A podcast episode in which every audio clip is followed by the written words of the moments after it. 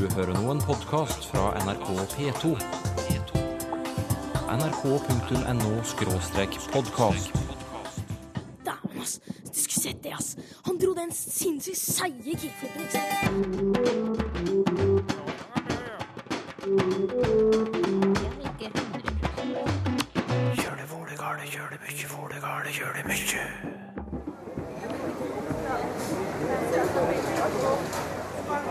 Hei, deg. Jeg vil gjerne ha en uh, americano yeah. og så en sånn uh, rosa kake. En hva? En eh, rosa kake. En rosa kake, Ja. Eller sånn? Nei, det var alt, takk. Super.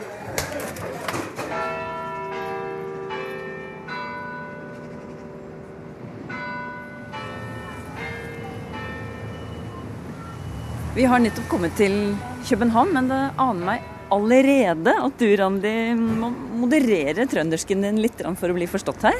Ja, man må snakke litt pent i Danmark.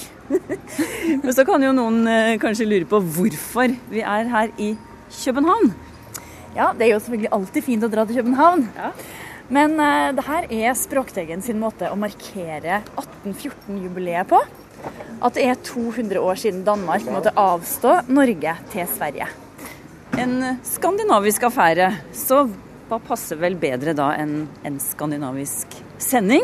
Derfor er vi på vei til Danmarks Radio for å møte dem som lager språkprogram for svensk og dansk radio. Ja, Vi gleder oss veldig til det, men før vi drar dit, så skal vi stoppe litt her. em, Fordi um, det vi ser på andre sida av gata her nå, det er et gammelt, tradisjonsrikt vannhull her i København. Wessels kro står det med gammeldagse bokstaver. eh, Gotiske, er det gotisk Ja, det er vel gotisk. Ja, Vi sier det. Grå, litt slitt fasade. Ja, Rutete vinduer. Liten baldakin over inngangen. Så det ser jo ikke noe sånn spesielt råflott ut det her nå, men det her var altså stedet hvor den norske forfatteren Johan Herman Wessel svingte begeret og deklamerte vers sammen med sine norske studentkamerater i Kongens by på slutten av 1700-tallet. Ja, så det var jo for over 200 år siden, og vi lå fremdeles under Danmark. Så hvordan tror du det var for nordmenn i København å gjøre seg forstått den gangen? Det er et godt spørsmål, så jeg tror vi skal få litt hjelp til å finne det ut. Skal vi se. Skal vi gå inn og hilse? Ja, hvis det var åpent, så. Er det du som har tatt over kroen? Ja. Min kollega Randi. hænger. Jørgen Lund, goddag. Hei, Randi. Velkommen. Hyggelig. Vi har næsten kroner for os selv, men den er åbnet ekstraordinært. Når språkprofessor Jørn Lund låser opp og slipper oss inn, er det ikke fordi han har blitt krovert på si, nei da. Han kom rett og slett først til avtalen vår. Wessels Skro åpner senere i ettermiddag, så det er stille her nå. Vi går gjennom den gamle vinstuen og ut i den grønne, koselige bakhagen med små kafébord, klatreplanter oppover de hvite murveggene, og vi finner beviset for at Johan Herman Wessel og studiekameratene hans i norske selskap virkelig var her. En stentavle med inskripsjon. Står det i deres hus? øh, Havde de øh, Ja, det står da ikke de. Nei. De. Det står ikke til. Ha havde, Ja. står det. Norske selskap. Ja. Sine. Sine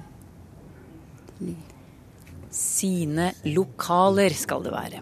De var altså nordmenn i København. De var forfattere, akademikere, bohemer. De stiftet norske selskap, og den moderlige Madam Juel var vertinne for dem her på Kroen. Bortsett fra å ta for seg av punsjen hennes, hva holdt norske selskap på med? De holdt på med litteratur og samvær for norske. Det ble jo grunnlagt i 1772 øh, som et litterært selskab. øh, I første omgang for norske, men så optog man kvalificerede danskere også. Og de hadde det program at de dyrkede klassikerne, den franske klassicisme og opplysningstidens idealer. Hvorimod en anden litterær klub, der holdt til i en anden kro, dyrkede den tyske, mer sentimentale stil. Så her var de altså De var ikke bare norsk nasjonalistiske, de hadde også et litterært program. Det var mange nordmenn i København på denne tiden. Bl.a. studenter, for vi hadde ennå ikke eget norsk universitet. De fant sammen øh, i en periode, hvor man ble meget mer opptatt av hvor man kom fra. Øh, hvor nasjonalismen øh, vågner øh, efter å ha slumret litt. Øh, Det, det er tyskerne og deres dominans i København og Danmark, der får danskerne til at blive meget nationale. Og så synes danskerne, at det var så, nord, så mærkeligt og morsomt, at nordmændene også blev meget optaget af at være norske. Og de morede så meget over de norske, som var så stolte og så optaget af at være norske. Det grinede de af. Det var bare nøjagtigt det samme, danskerne gjorde. Så det, det var en, en, en fælles national rejsning, der kom dengang. Men selv om nordmennene i København var opptatt av å være norske, språket deres var dansk, skriftspråk i norsk munn, som det heter. Hvordan reagerte danskene på det? Her i København undrede man seg ikke over, øh, at noen talte norskaktig. Øh, øh, vi var vant til å høre mange forskellige former for dansk dengang, og det var ikke mer merkelig enn at folk fra Sønderjylland møttes og talte sønderjysk.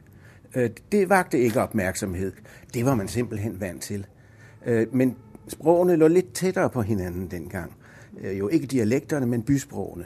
I de store byer, København og øh, Oslo, som hed Christiania, øh, der, der, der var der befolkningsgrupper, som talte meget tæt på hinanden, fordi dansk havde prestige i, i det, der i Norge hed Bomorden, altså de fine, de fine kredse. Øh, så, så de var meget, meget optaget af det fælles grundlag, vi havde i Danmark og Norge, Ja. for vi havde fælles skriftsprog.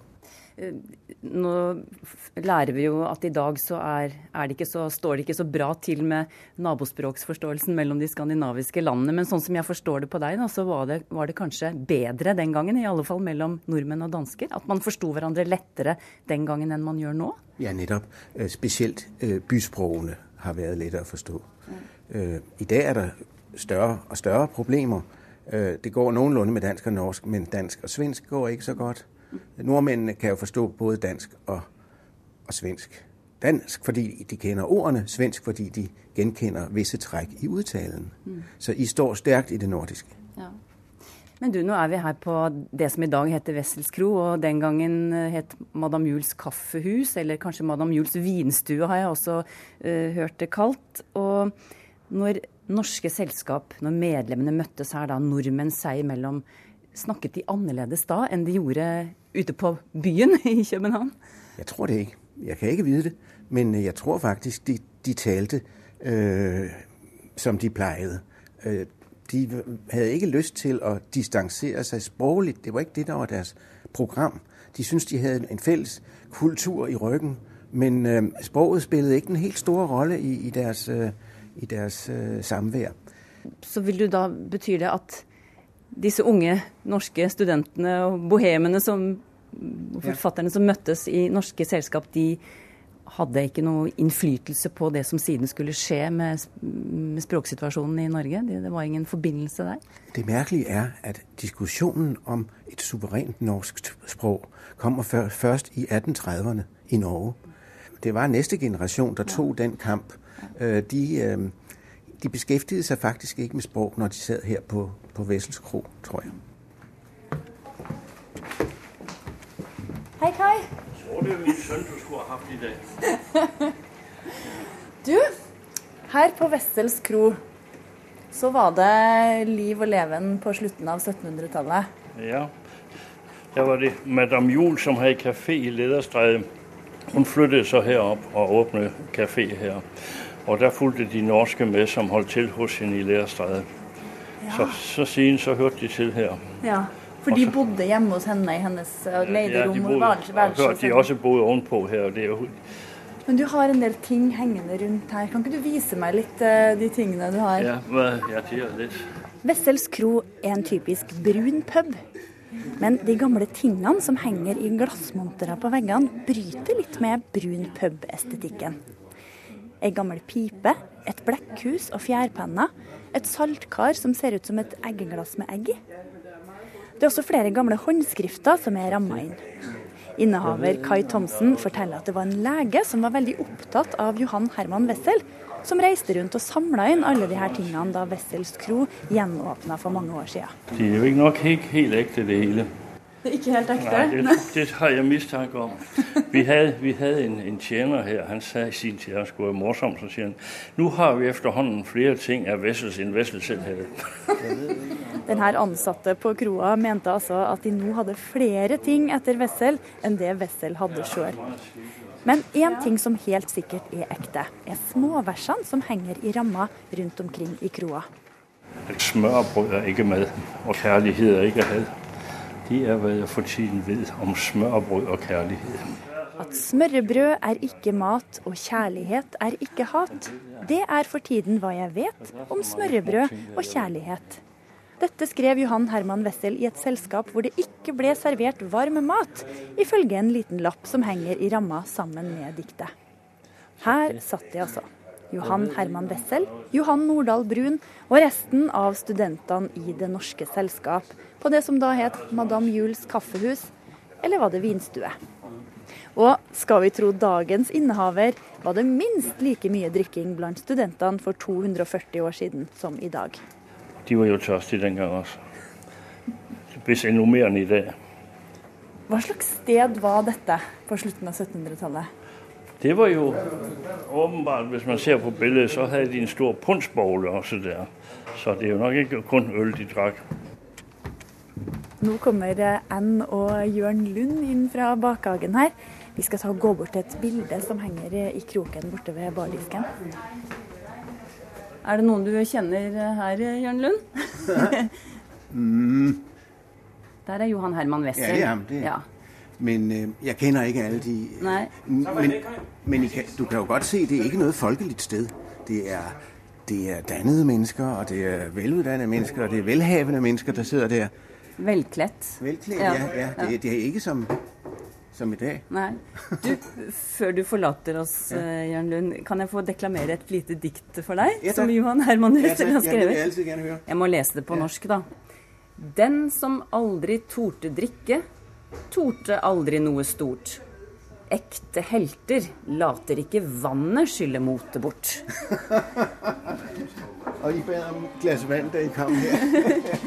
Det satt han kanskje her og skrev.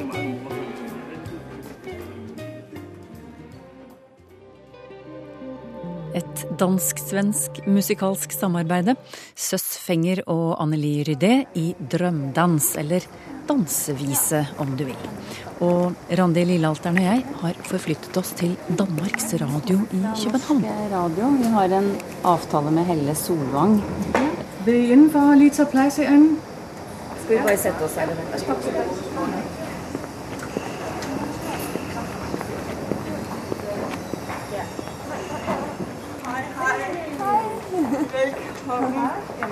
Hei, Emmy. Hei! Hei, endelig. Ja, Ja. Helle. Hallo, så hyggelig. Hei, Randi. Velkommen til. Helle, du lager jo Språklaboratoriet i Danmarks Radio. Kan ikke du vise oss studioet der du lager Det vil jeg gjerne. Vi skal bare lige en etasje opp. herfra. Ja. Men du, det var noe jeg, jeg lurte på, faktisk. Fordi eh, du har jo vært i Norge i, på ferie i sommer. Ja. Og så lurer jeg på mm, Har du ett norsk ord eller et norsk eh, uttrykk som du syns er litt merkelig eller fascinerende, eller som du kunne gi oss nå? Og greit, og, og mange, i det hele tatt mange positive ord for, øh, altså at vi er i hopla, og at vi er friske, og at vi er, ja, der er mange af den slags ord. Det er meget opløftende sprog. Men det kan være, fordi at jeg har mødt så mange vandrere på den her tur, fordi jeg vandrede i Jotunheim, men det var sådan, up, tidligt op og tidligt i seng. Op og vandre. Så greit, det er sånt Ja. eh, typisk norsk Ja, det synes jeg, det er. Men det er altså herfra, at øh, Sproglaboratoriet sender en gang i ugen. Her er studioet ditt. Ja, det er Selv, selvkjør står det på Selvkør, døren. det betyder et studie, hvor verden øh, også er tekniker og kører selv. Vi har ikke noen teknikere, der, øh, der hjelper oss. Nei. Vi er selvkørende. Det er samme som, i- samme som i Språkteigen. Ja. Ja. Her ser det i grunnen ganske kjent ut, Randi. Det er noen PC-skjermer og noen tastaturer og noen mikrofoner og Litt ja. spaker man kan dra i. Ja. Og, ja. Men du Helle Solvang, da, når du sitter her og lager Språklaboratoriet, eller Språklaboratoriet Ja, Sproglaboratoriet. Hva er det lytterne dine er opptatt av? I Danmark er der rigtig meget opmærksomhed omkring øh, årets ord, som vi øh, udnævner hvert år. Det tror jeg også, I har i Norge. Øh, der kommer de danske lyttere virkelig frem og øh, kommer med forslag, og, og de her sprog, eller de her forskellige ord, de falder i forskellige kategorier. Der er årets hadeord, som der er mange, der fremsætter. Eksempel et ord som fremadrettet. Hvorfor siger danskerne ikke bare i fremtiden eller fremover? Hvorfor skal de sige fremadrettet? Det er et af de her øh, ord, som danskerne elsker at hade. Øh, og så er der en kategori, der hedder elskeord, altså de nye ord, som, øh, som man øh, virkelig kan knuse elske. Øh, og endelig er der fænomener, altså øh, noget, som har været en, en stor diskussion i løbet af året. Altså der er allerede nogen, der siger, i år bliver ordet ISIS. Øh, fordi det er et nyt ord, vi har lært at kende. For nogle år siden var det vuvuzela, fordi det var det her instrument, man lærte at kende under øh, fodbold-VM i Sydafrika. Mm. Så, øh, så fænomener eller store diskussioner, store begivenheder kan afføde et ord, eller hade ord kan avføde en, en række forslag, og så, øh, og så almindelig sprogudvikling mm. og positive ord. Ja. ja. Men det er jo egentlig en liten begivenhet, eh, det som skjer her i dag òg. For foran meg her så står jo alle de tre programlederne i de tre språkprogrammene i Skandinavia. Emmy Rasper, du som eh, driver Språket i P1. Mm. Hva er dine lyttere mest opptatt av? Ja, men jeg kjenner igjen ganske mye av det som Helle prater om. Um, men det er en veldig blandning. Det er alt fra gamle dialektale uttrykk som lyssnarna undrer over. Det kan være sånn Hva kommer kuramörtning ifrån? Va? Det forstår jeg om ni ikke vet hva det betyder, for det visste ikke jeg heller. Hva betyr det? Det betyder kuramörtning, det er å sitte og vente inn skymningen. Alltså att det blir mörkt. Och det här är ett eh, halländskt, skånskt uttryck. Och då ringde en lyssnare in och undrade varifrån kommer det här uttrycket? För att mörtning, det låter lite som mört, som är en fisk. Kan det ha någonting med det att göra? Nej, det hade det såklart inte. Det har med mörkning att göra. Men den typen av frågor är vanliga. Alltså uttryck som människor har växt upp med och som deras eh, mormor och farmor har sagt och sådär. Men sen så får vi också mycket frågor som handlar om att språket förändras, vilket det gör hela tiden. Ganska, ny, ganska nyligen så hade vi en intressant fråga som handlade om varför, eller så här, hur svarar människor i telefon nu för tiden? När vi inte längre har hemtelefoner på samma sätt. Då har folk slutat svara med för och efternamn som var vanligt tidigare i Sverige. Utan många säger bara hallå. Ja. Eh, och apropå det kom det en annan diskussion som var varför säger vi fortfarande lägga på luren när vi avslutar ett samtal? For det er ingen som legger på noen lur lenger. Ja. en ting er i hvert fall sikkert at jeg tror både Helle sine lyttere og Emmy sine lyttere og Språktegnens lyttere de er veldig nysgjerrige på språk og har mange ting de lurer på. Og vi har jo bedt lytterne om å stille spørsmål om våre respektive språk, og det har de gjort. Og vi har alle med språkspørsmål i vesken. Men eh, Randi, Kjære kollega, jeg tenkte vi skulle ta en liten arbeidsfordeling mm. nå. Så hvis vi tre damene i våre språkprogram rigger oss til her, og så skal vi kalle inn språkekspertene våre, som hjelper oss med å svare, og så kan du, som er så lett på foten Og fylle på håret? ja! Kan ikke du springe ut og møte folk? Selvfølgelig kan jeg det. Og så kan du gi oss noen rapporter i løpet av denne sendingen. Avtale? Det er en veldig god plan. Da stikker jeg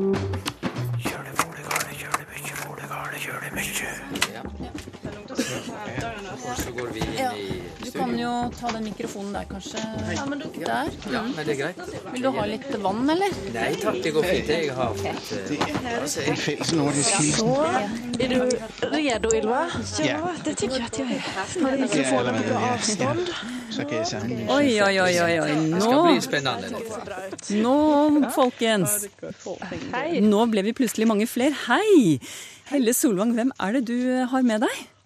Jeg har en gæst her i studiet. Det er professor i dansk sprog Jørgen Lund. Han er også øh, tidligere direktør for det danske sprog- og litteraturselskab, og nu formand for Dansk Sprognævn. Og så kalder noen ham kryptonordmanden. Og det kan han jo måske selv lige forklare, hvorfor han har fået den betegnelse. Ja, det, det var nogle kolleger, som havde lagt mærke til, at jeg var meget optaget af norsk sprog fordi jeg synes, det er meget mere, mere spændende at være sprogmand i Norge enn i Danmark. I Danmark er vi mest opptatt av korrekthed. I Norge har man sprog og identitet som hovedtema, og det er jo også bakgrunnen for, at I har to skriftsprog og mange dialekter. Mm. Takk skal du ha, Jørn. Hva, si en gang til kryptonordmannen. Kryptonordmenn, ja. Kryptonordmann. Jørn, Jørn, Jørn, Lund traff jo på Wessels kro i sted også, men eh, og du skal nå hjelpe oss å svare på lytterspørsmål om dansk. Også ved min side, eh, til høyre for meg, Sylfest eh, Lomheim, en av mine faste gode hjelpere i Språkteigen. Et par ord om deg selv, Sylfest? Ja, jeg er ingen kryptodanske, men jeg er vel vestlending fra Vest-Norge og snakker vestnorsk, og det betyr nynorsk. Ja.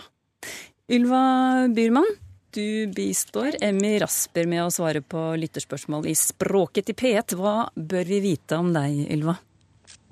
Ja, jeg jobber til hverdags som doktorand i nordiske språk. Ph.d.-studerende, kanskje ni bruker si. Du jobber med en doktoravhandling? Ja, ja. Mm. det stemmer. Eh, og jeg har svart på frågor her i språket i snart et år, så jeg er kanskje litt nyere enn de andre i ja. min rolle. Du Ylva, du skal få litt å bryne deg på med en gang, du. For her kommer danske og norske spørsmål om svensk. Helle Solvang, du kan jo begynne med et spørsmål. Absolutt. Øh, jeg vil gjerne starte med et spørsmål som kommer fra en lytter i Danmark, Det heter Susanne Arpi. Hun spør hvorfor er det så mange svenske ord der ender på IS? F.eks. loppis og godis. Og der er også en norsk lytter, der har skrevet, øh, det er Gry Berg Enger, som spør, hvorfor laver svenskerne så mange ord, som slutter med is, kjendis, skårdis, som eksempler. Mm. Dette er jo et veldig produktivt suffiks. Det kanskje er et av svenskans mest produktive suffiks. hva, betyr produktiv, unnskyld, hva betyr produktivt suffiks? Produktivt er at vi kan bilde nye sånne her isord hele tiden. Det er veldig enkelt, så de blir hele tiden flere i språket. Og visse av dem blir etablerte og blir liksom vanlige ord, som de her loppis og kjendis og skådis som ni tok opp. Men man kan også bilda dem bara i, i samtal. Alltså vissa av dem blir mer tillfälliga. Så om jag känner mig lite trött så kan jag säga åh, jag är en, en riktig tröttis idag till mm. exempel. Eh, och en anledning till att de är så här produktiva kan vara att de är väldigt flexibla. Man kan bilda dem just om substantiv. Som loppis är ju då loppmarknad. Kompis är väl ursprungligen kompanjon, även om det inte är så många som är medvetna om den kopplingen. Man kan bilda dem på adjektiv som poppis, om populär. Och det normala är ofta att man då förkortar ordet lite, men det finns ju exempel som när man tar ett normalt ord som kram, eh, som då, alltså kläm eller knuss, och bildar kramis. Och då har det ju närmast någon slags diminutiv funktion, alltså så det blir som en, en smekvariant. Eh, och varifrån kommer då det här? Den vanligaste förklaringen är att det är ett skämtsamt lån från latin som uppstod bland studenter. För det finns det latinska adjektivet rudis som betyder rå eller obearbetad. Och det kommer i studentslangen att betyda dålig. Som man kan säga, jag är rudis på danska, då är det att jag är, är dålig på danska. Och sen har man då lite skämtsamt och studenter K bildat fler sådana ord. Så det är den vanligaste förklaringen. Och sen finns det lite andra förklaringar, till exempel att det skulle komma från Västgötaknallarna som var ett kringresande handelsfolk, från deras språk, eller att det faktiskt är gammalsvensk dialekt. Kan jeg få komme med et eh, nytt spørsmål, Ylva, fra en eh, norsk eh, lytter? Hvorfor heter det ørngodt? Det er Kjerstin Haukland som lurer på opprinnelsen og betydningen av det svenske ordet for putevar, som vi sier da ørngodt. Hun lurer på om det opprinnelig kanskje het ørongodt, for det er jo godt for øret å legge seg ned på en pute. Men du har forklaringen sikkert. Mm. Ja, men det kan faktisk være precis så som Kjerstin skriver. Eh, för det som man är etymologiskt ensom, det är ju den här första leden, örn, att det har med öron att göra. Och sen det här andra ledet, gott, det kan då antingen vara som Kerstin skriver, att det är något som, som är gott för örat eller något som örat finner behag i. Men eh, en annan möjlighet är att det är någonting som, som mottar eller fångar upp örat. Det här gott. Sen kan man ju också säga att vi i svenskan faktiskt har ordet kuddvar, som då skulle vara motsvarigheten till putevar. Vi har också dynvar, alltså någonting som täcker en dyna. Och eh, det här örngott tidigare så betydde det faktiskt bara kudde. Alltså pute säger väl ni. Eh, medan det numera har fått den här betydelsen att det är någonting som täcker kudden. Så vil jeg gå videre med et spørsmål fra en, der hedder Lise Morgils. Øh, hun spørger, Hvorfor bruger svenskerne, og måske også nordmændene, den bestemte artikel anderledes, end vi gør? Det har jeg tit undret mig over. Og Sofie Nieros, hun kommer med et eksempel på det. For eksempel den store bjørn. Øh, den store bjørnen hedder det så. Altså nærmest, hun sier dobbeltbestemt form. eller hva det nå må hede. Så det vil vi gjerne ha svar på. Mm, ja, man bruker si dobbeltbestemthet.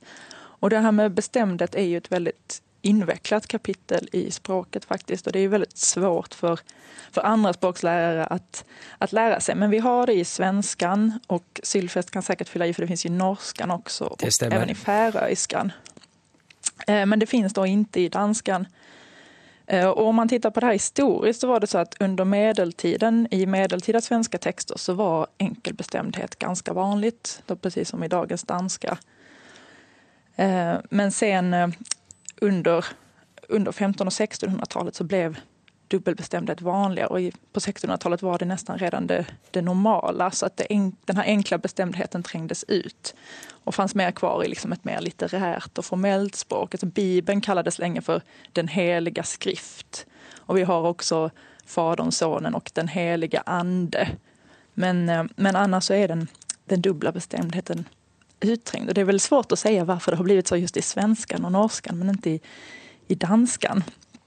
Jamen, det er jo fordi dansk har fjernet sig allermest av alle de nordiske språk fra vores fælles udgangspunkt, altså det fælles nordiske sprog, der blev talt i middelalderen. Så, så vi, vi, vi har bare gået et skridt længere, og, og, end I andre har gjort. Vi mer mere udviklede. Ja, avviklede kan man også sige. Eller afviklet. og derfor, derfor kan jeg som nordmann skyte inn at uh, norsk også i dette tilfellet ligger i mellomstilling, fordi det er sant at vi har dobbel bestemming. Og i norsk så er det slik at Det hvite hus, det er høyere stil, og Det hvite huset er mer familiær og hverdagslig stil. Så i norsk er det gjennomgående trekk. Vi bruker begge deler, men det er stilforskjell. Det man kan si om svenskan også, er jo at vi også har en sånn her stilskillnad. Det virker som at det her, det her dubbla generellt da er litt hverdagligere og litt, lite ofinare kanske. Mm. Takk for den, eh, Ylva. Jeg skynder meg til med et norsk eh, spørsmål fra Jon Vettre. Hvorfor svensk, bruker svenskene tødler? Altså de har to prikker over a-en for å uttrykke æ, og to prikker over o-en for, for, å uttrykke ø. Mens i Danmark og Norge så skriver vi jo æ og ø. Hvorfor er det slik i Sverige med disse tødlene? Ja, vi hadde jo også sånne her ligaturer som ni hadde før. Eh, men sen var det sånn at med de her när tyska frakturstilar kom in. När tyska frakturstilar så kom in så kom istället ett bruk eh, där man ofta skrev ett E ovanför A eller ovanför O. Och det var vanligt under 1500 och 1600-talet. Och sen så småningom så det här överskrivna E som satt eh, över då O och A blev istället två prickar och då får vi då det svenska nutida Ä och Ö. Och de infördes i tryck i, äh, i antikva stilar, alltså den stilen vi har idag, omkring 1730. Och, om man undrar varför det här hände så kan en anledning vara eh, faktiskt ha med bokstaven Å att göra. För det är ju så att Å som finns i nutida danska och norska också, det började man skriva redan på medeltiden i Sverige. När man gjorde de här bibelöversättningarna på 1500-talet så blev Å norm. Och om nu radiolyssnarna skapar sig en inre bild och tänker hur Å ser ut och sen jämför man med Å med A som har ett litet E över så kan man förstå att de är ganska lika. Eh, så då blir de lättare att förväxla. Så det här Å kan ju också ha bidragit till att tränga ut det här A med överskrivet E just för att det blir en tydeligere skillnad om man har prickarna istället.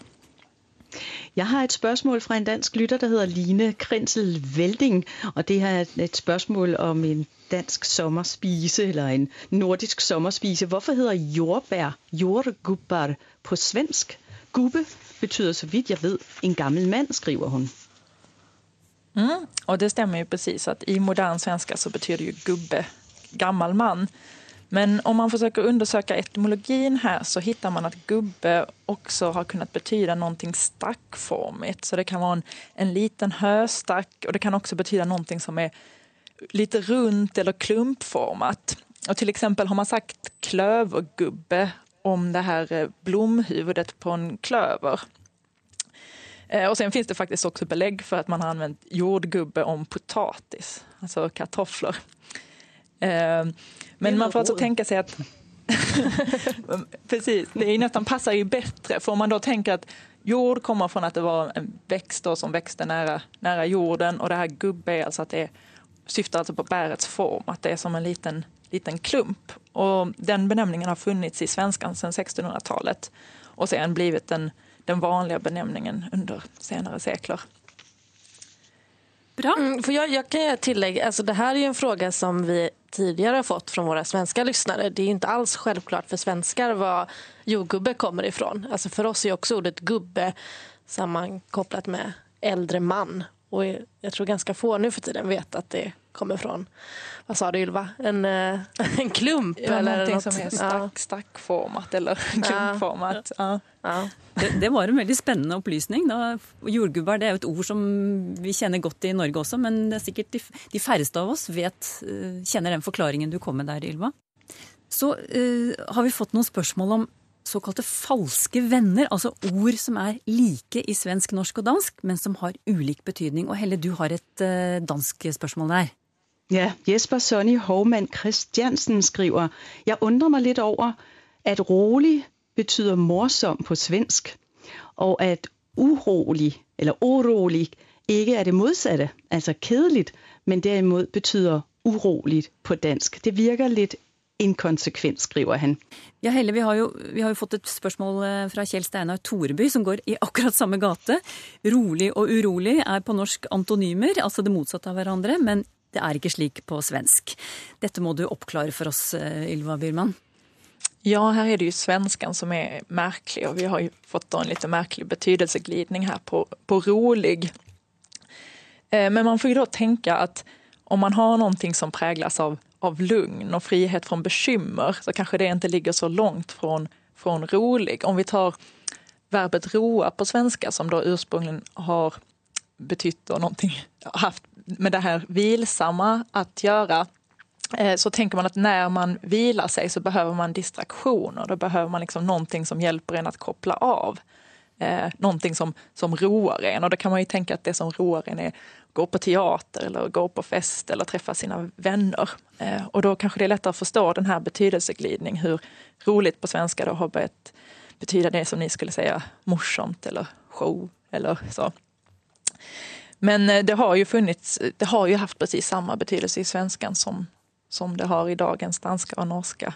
Eh, och faktiskt då betytt exakt motsatsen till vad det betyder idag. Det har ju betytt tråkig, eh, finns det belagt som betydelse. Eh, så att man har faktiskt kunnat säga långrolig, eh, vilket då betyder samma sak som nysvenskans långtråkig, alltså något som inte är, är roligt alls. Altså, jeg har et par av de falske venner her. Øh, Det kan være det mellom det norske og danske, at ordet flink kan man godt komme litt galt av sted med, fordi på dansk betyder flink endelig eller hjelpsom, men på norsk dygtig. Og øh, så har jeg en dansk lytter, der spørger Malene Skytte Hansen, hvorfor græd i Norge, når de griner? Og det har faktisk øh, skapt nogle misforståelser, for eksempel når man læser Karl Ove Knavsgaard. Øh, hvis man læser det på norsk øh, som dansker, så kan man opfatte, at de griner sig hele vejen igennem begravelsen. Det er jo ikke så heldigt. Nei, det, men hvorfor, hvorfor eh, Sylfest Lomheim, hvorfor sier eh, vi griner og mener gråte, og danskene sier griner og mener ler? Ja, dette har jo med det felles utgangspunktet å gjøre, for det betyr jo å åpne munnen og blotte tennene og alt dette her, og det gjør vi jo både når vi ler og når vi gråter. Men dette kan også Jørn forklare litt om, hvis han har lyst på dansk. Jo, det, det er jo to modsatte betydninger, men inden for samme skala. Det betyder, Ja. at man er emosjonsbeveget. Og vi ser meget ofte i sprogets historie, at et- ord kan komme til å betyde det stikk motsatte. Uh, ikke bare litt ved siden av, men det stikk motsatte. Gå fra den ene ytterlighet til den anden. Uh, og jeg mener jo, at svensk også kan bruge grine i betydningen at lave grimasser. Sånn i almindelighed. Precis. Bare der bærer det i, i Men, men det felles utgangspunktet for å forklare at dette kan ha skjedd, er jo at det har med åpning av munnen, altså det skjer noe med Vi åpner munnen. Det er riktig. ja. Der stod, da, da den danske kronprins ble gift med kronprinsesse Mary, der, der, der stod i danske aviser, at øh, øh, kronprinsessen kunne ikke lade være med at grine på et tidspunkt. Og, og så, så var der en nordmand, der så det og syntes, det var da mærkeligt, hun græd til sit bryllup. men, men ellers så burde vi kanskje presisere for lytterne at dette med falske venner, det er ikke bare noe som er typisk for forskjellen mellom norsk, dansk og svensk. Men vi har det jo også innafor våre egne språk, og innafor norsk, innafor vestnorsk og østnorsk. Ordet kjerring på vestnorsk er det vanlige ordet for kone, men i østnorsk så vil mange bli fornærma hvis du bruker kjerring, for det er litt nedsettende. Og et adjektiv som snål på norsk kan i enkelte deler av landet bety søt, fin, men i mange sammenhenger ellers, kanskje det dominerende, så betyr snål pussig eller rar. Og så har vi jo falske venner mellom europeiske språk. Engelsk eventually. Hvis du tror at det betyr eventuelt, da er du ute å kjøre, for det betyr jo til slutt. Og department på engelsk betyr jo ikke departement på norsk. Altså, poenget er at slike falske venner har vi faktisk innafor språk, og mellom språk som har litt kontakt. Så det er et veldig omfattende fenomen. Mm. Og noe som eh, lytterne er opptatt av, for det, det, er jo ikke første gangen vi får spørsmål om falske venner. Eh, I hvert fall ikke til eh, Språkteigen, og som jeg forstår ikke til Språklaboratoriet eller Språket i P1 heller. Dere, det er deilig å være norsk i Danmark, og, og deilig å være svensk i Danmark også, vil jeg tro. Mange unge svensker har funnet seg jobb i Danmark, men hvordan går det å kommunisere? Forstår danskene og svenskene hverandre? Min kollega Randi Lillealteren hun er ute i København et sted for å undersøke saken. På dette kjøpesenteret i sentrum av København så har jeg fått vite at det jobber mange svensker. Og hun her borte heter visst Micaela. Hei, Randi heter jeg. Jeg jobber i norsk radio. Ja, så lurte jeg på om jeg kunne få stille deg noen spørsmål. Jeg har jo bodd i Norge i tre år. Har du det òg? Ja, så jeg skjønner Så du skjønner norsk, norsk. godt? Hvor bodde du da i Norge? I Hemsedal. Men kan jeg spørre deg, hva må du gjøre for at danskene skal forstå deg? Jeg må eh, anvende forskjellige ord. Altså jeg må endre mine ord når jeg taler med dem. Ja. Jeg må, det er helt De forstår ikke om jeg prater ren svensk. Jeg må bruke andre ord. Nå forsøker jeg å prate dansk, for de forstår faktisk ikke når jeg prater svensk. Jeg må jo prate dansk. Hvis du prøver å snakke litt dansk, da? Hvordan høres det ut? Jo, men har du behov for noe hjelp? Kan jeg hjelpe deg med noe? Nei, nå prater jeg jo norsk! Bare fordi du er norsk! Hva? Nei, det går ikke. Men må du tilpasse språket mer her i København enn du måtte i Norge? Ja, det måtte jeg. I Norge skjønner du Altså, det forstår de i svenska. Det er så mye mer svensker der også, tror jeg. Faktisk. Men eh, her så er det et kjempestort problem med å prate vanlig svensk. Ja. Hvordan er det for deg å forstå dansk, da? Jättelätt. Men det är också för att jag har rest mycket också och träffat så många olika människor tror jag. Men eh, det är svårt med danskan. I början eh, så förstod jag inte min eh, pojkvän alls. Det var många ord vi var tvungna att byta till engelska. Okay. Men med norskarna behövde man inte alls det. Mm. Då kunde man prata ren svenska. Det... Mikaela, tusen tack. Tack själv. Danskene forstår ikke svensk, men det gjør nordmennene, ifølge unge svenske butikkansatte i København, som dere akkurat hørte. Jørn Lund, da du og jeg snakket sammen på Wessels kro i begynnelsen av programmet, så var vi jo så vidt inne på, på akkurat dette her at svensker, dansker og nordmenn forstår hverandre dårligere nå enn før. Kan du ikke fortelle oss hva er siste nytt om den saken? Det er at vi er ved å undersøke meget grundigt øh, hvordan svenske, norske og danske forstår hinanden, når de skal forstå hinanden, altså i professionelle sammenhænge. For eksempel øh, svenske servitører på danske restauranter, øh, eller de ansatte i SAS, øh, der er norske og svenske og danske, og de taler deres eget sprog, og i løbet av kort tid øh, forstår de hinanden uden problemer. Der er meget stor forskel på øh, sådan en lille kort, et lille kort opphold eller spørre om vej, øh, og så hver dag være nødt til at kommunikere med et nabosprog. Og de steder, hvor jeg har sat sonden ned for å undersøge det, der viser det seg at det tar ca. 14 dager å komme over barrieren. Så kan man det, der er svært, eller styre utenom det, man vet de andre ikke forstår. Og du kunne også høre, den norske, den svenske pige, der havde været et par år i Norge, hun sagde, at, at det var jette let at forstå dansk. Men i begyndelsen havde hun svært ved det. Det fortæller mig, at meget af det her er psykologi. Vi tror ikke, vi kan komme videre i sprog forståelse, end vi er kommet de første to gange, vi prøver. Men hemmeligheden er jo bare at blive ved øh, et par uger, og så glæde sig over, at så forstår man mere af nabosproget, end man forstår af fransk efter fem års fransk undervisning, eller af tysk efter tre års tysk undervisning, eller af engelsk efter 12 års øh, undervisning. For vi har så stort et glosefællesskab, og vi snakker så meget om forskellene, men vi må jo ikke glemme, at alle de højfrekvente ord stort sett er de samme, og med højfrekvent mener jeg de hyppige ord, de mest almindelige ja, ord. Så, så man kan komme over den der barriere, men når det er sagt, øh, så er det riktig at danskers uttale er blevet vanskeligere at forstå, specielt unge danskers. Øh, fordi det er meget svært at genkende ordene i den skriftlige form, når man hører den i den talte form. Mm. For jeg sier jo for eksempel ikke, jeg har revet meg i øyet'. Jeg sier jeg har reddet meg i øyet'.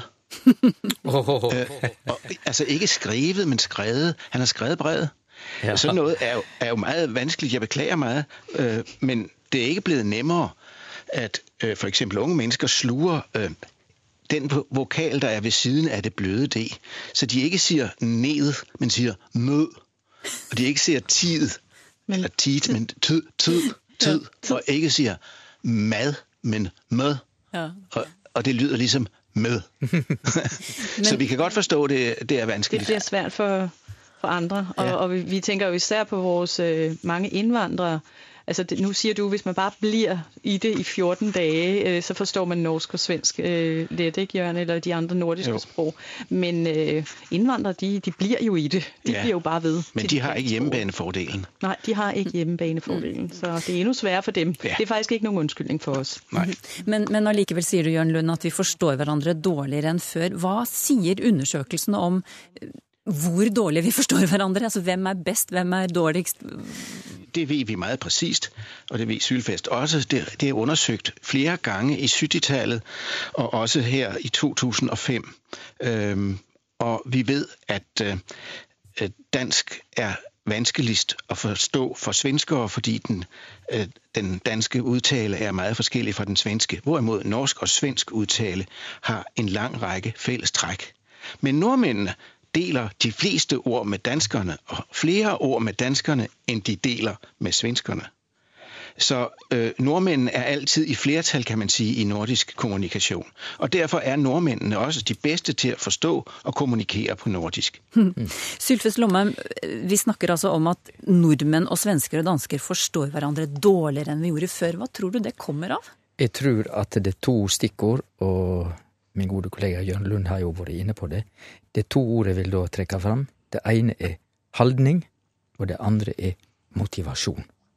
Jeg tror at tidligere, altså eldre skandinaver, de hadde en annen holdning. De ville gjerne forstå, og prøvde å strekke seg litt, men jeg tror at yngre skandinaver rett og slett ikke har tålmodighet, og de eh, tenker at hvis ikke de forstår, ok, så hopper de over til engelsk. Men det er jo et paradoks at i vår tid når det er enda bedre kontakt enn noen gang før, så har rett og slett nabospråksforståinga gått ned. Det er ganske synd. Grunnen til at nordmenn forstår bedre enn dansker og svensker, er to ting, tror jeg. Punkt én. Norsk språk står i en mellomstilling mellom dansk og svensk, det er en fordel. Det andre er at nordmenn internt i Norge er vant til å høre mye mer variasjon, altså dialektbruk, i alle sammenhenger, slik at vi da ikke reagerer så veldig mye på forskjeller. Vi har et elastisk øre. Ja. Så forklaringen er ikke at nordmenn er litt mer intelligente enn svensker. Det er de jo ikke. Men Ylva Byrman, eh, Hvordan blir det i fortsettelsen, tror du? Kommer det til å bli verre eller bedre med nabospråkforståelsen? Ja, det, det tråkige er vel at det risikerer å bli enda verre. Hvorfor det? Hvorfor det? For at språken kan, for at språken kan, om man ikke har kontakt så, så glider ju språkdrag ännu längre ifrån varandra. Man får, att vi inte lånar slangord av varandra utan att vi lånar samma slangord från engelskan till exempel. Men sen är det ju klart, det är ju så, det skulle ju inte krävas en så himla stor arbetsinsats och vända det till det bättre. Och sånt som kan hjälpa till är ju till exempel populärkultur och där görs ju en del. Alltså vi har det här talkshowen i Sverige, Skavlan, som väl också sänds i, i norsk tv. Eh, Mm. Och sen så finns det den här eh, eh, Bron, den här krimin, kriminalserien som ju har varit ganska populär. Eh, och sånt kan, ju, sånt kan ju hjälpa till, bara att man får öva sig lite i att lyssna. För att man måste ju ha kontakt för att kunna förstå varandra. Mm. Och då kan ju också folk börja förstå att det är en, en väldigt liten arbetsinsats, precis som Jörn sa. En väldigt liten arbetsinsats för att få ett helt språk gratis. Och då får man ju tillgång till en massa populärkultur och man får liksom en, en ny arbetsmarknad man kan söka sig till. Och det, man, man har ju väldigt mycket att vinna på att lägga ner den lilla arbetsinsatsen. Mm. Men jag kan säga också tillägga att det här är en fråga som jag upplever väcker väldigt mye mycket känslor. Jag ställde en fråga på Språkets Facebook-sida eh, som var så här. Prater Pratar du engelska när du möter danskar och norrmän? Eh, Och den fick jättemånga kommentarer och folk var både upprörda över frågan. Så här, Nej, det är klart vi inte pratar engelska. Men också många som skrev att jo, men det, det gör jag. Framförallt med danskar, men inte med norrmän. Men det var tydligt att det här är en fråga som engagerar människor. För att det är någon, jag tror det ligger lite så här, man vill förstå varandra. Men sen är det nog många som bara ger upp, som vi varit inne på. Och då tar man till engelskan. Mm. Men det känns inte helt bra. Jag tror ganska många känner lite så här, ah, äsch då. Att vi Mm. inte kan förstå varandra. Det hade ändå varit det bästa. Så langt kom vi i denne omgang om nabospråkforståelse. Eh, Det du hører i bakgrunnen nå, det er den svenske gruppen Mando Diao med 'Innfruset'. Deretter blir det nyheter, før Språkteigen Skandinavia spesial fortsetter fram til klokken 11.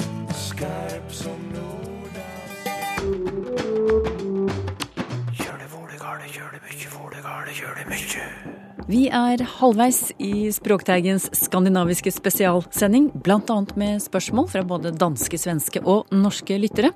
I forrige time slo vi fast at vi skandinaver ikke forstår hverandre like godt som før.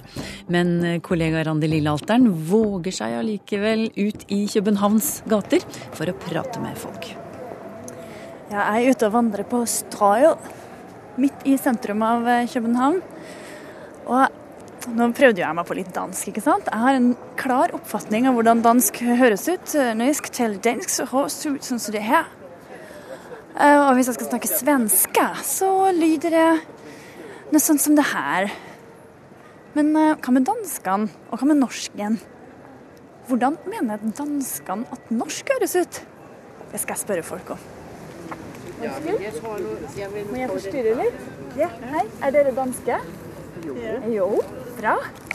Jeg kommer fra norsk radio og lager et program om norsk, svensk og dansk, og hvordan vi forstår hverandre. Ja. Og hvis jeg skal tale dansk, så syns jeg det lyder omtrent som dette her. Ja, det er fint. Men hvis du skulle prøve å snakke norsk, hvordan ville det høres ut? Jeg kan ikke snakke norsk. Hvordan høres det? ut? Det er greit. Det er bare greit. Nei, jeg snakker ikke norsk. Har dere lyst til å fortelle hva dere heter? Else. Gide. Lisbeth. Birte. Og Birte. Jeg heter Randi. Kan dere si Randi? Randi. Randi. Jeg kommer fra Trondheim. Trondheim. Det var lett. Ja, det var godt. Vi forstår norsk bedre enn svensk, synes jeg. Ja. Faktisk. Ja. Er det ikke riktig? Ikke nynorsk. Nei, ikke nynorsk. men- Men, det, for det er svært. Ja. Problemet er, når man prøver å snakke norsk, så kommer man til å tale svensk. Og så blir nordmennene ikke så glade. Så det er bedre å holde seg til dansk? Uh, ja, de unge i dag, de forstår ikke en, de unge svenskere forstår ikke en pind dansk. Og heller ikke danskerne Nei, og danskerne forstår heller ikke svensk. Det endret seg litt med Fleksnes. Der kom Norge på landkortet. Også fordi man forstår umiddelbart, forstår man norsk, uden at skulle anstrenge sig, så forstår man det. Der kan være så enkelte ord indimellem, som er anderledes, ikke? Men, men, men ellers så forstår man det jo uden at anstrenge sig. Svensk skal man ligesom øh, stifte bekendtskab med, og sådan, før man forstår det, Mm. synes jeg. Men norsk og dansk har jo egentlig veldig mange like ord, vi bare uttaler dem forskjellig. Musikken er forskjellig. Ja. Men det er lidt, altså, jeg er skræmt over, altså Jens, min søn er 38. Når han skal tale med svensker, så taler de engelsk. Er det sant? Yes. Og det er noget møg. Er. Nej, jeg synes, det er skræmmende, at de skal tale engelsk. Hvorfor er det skremmende?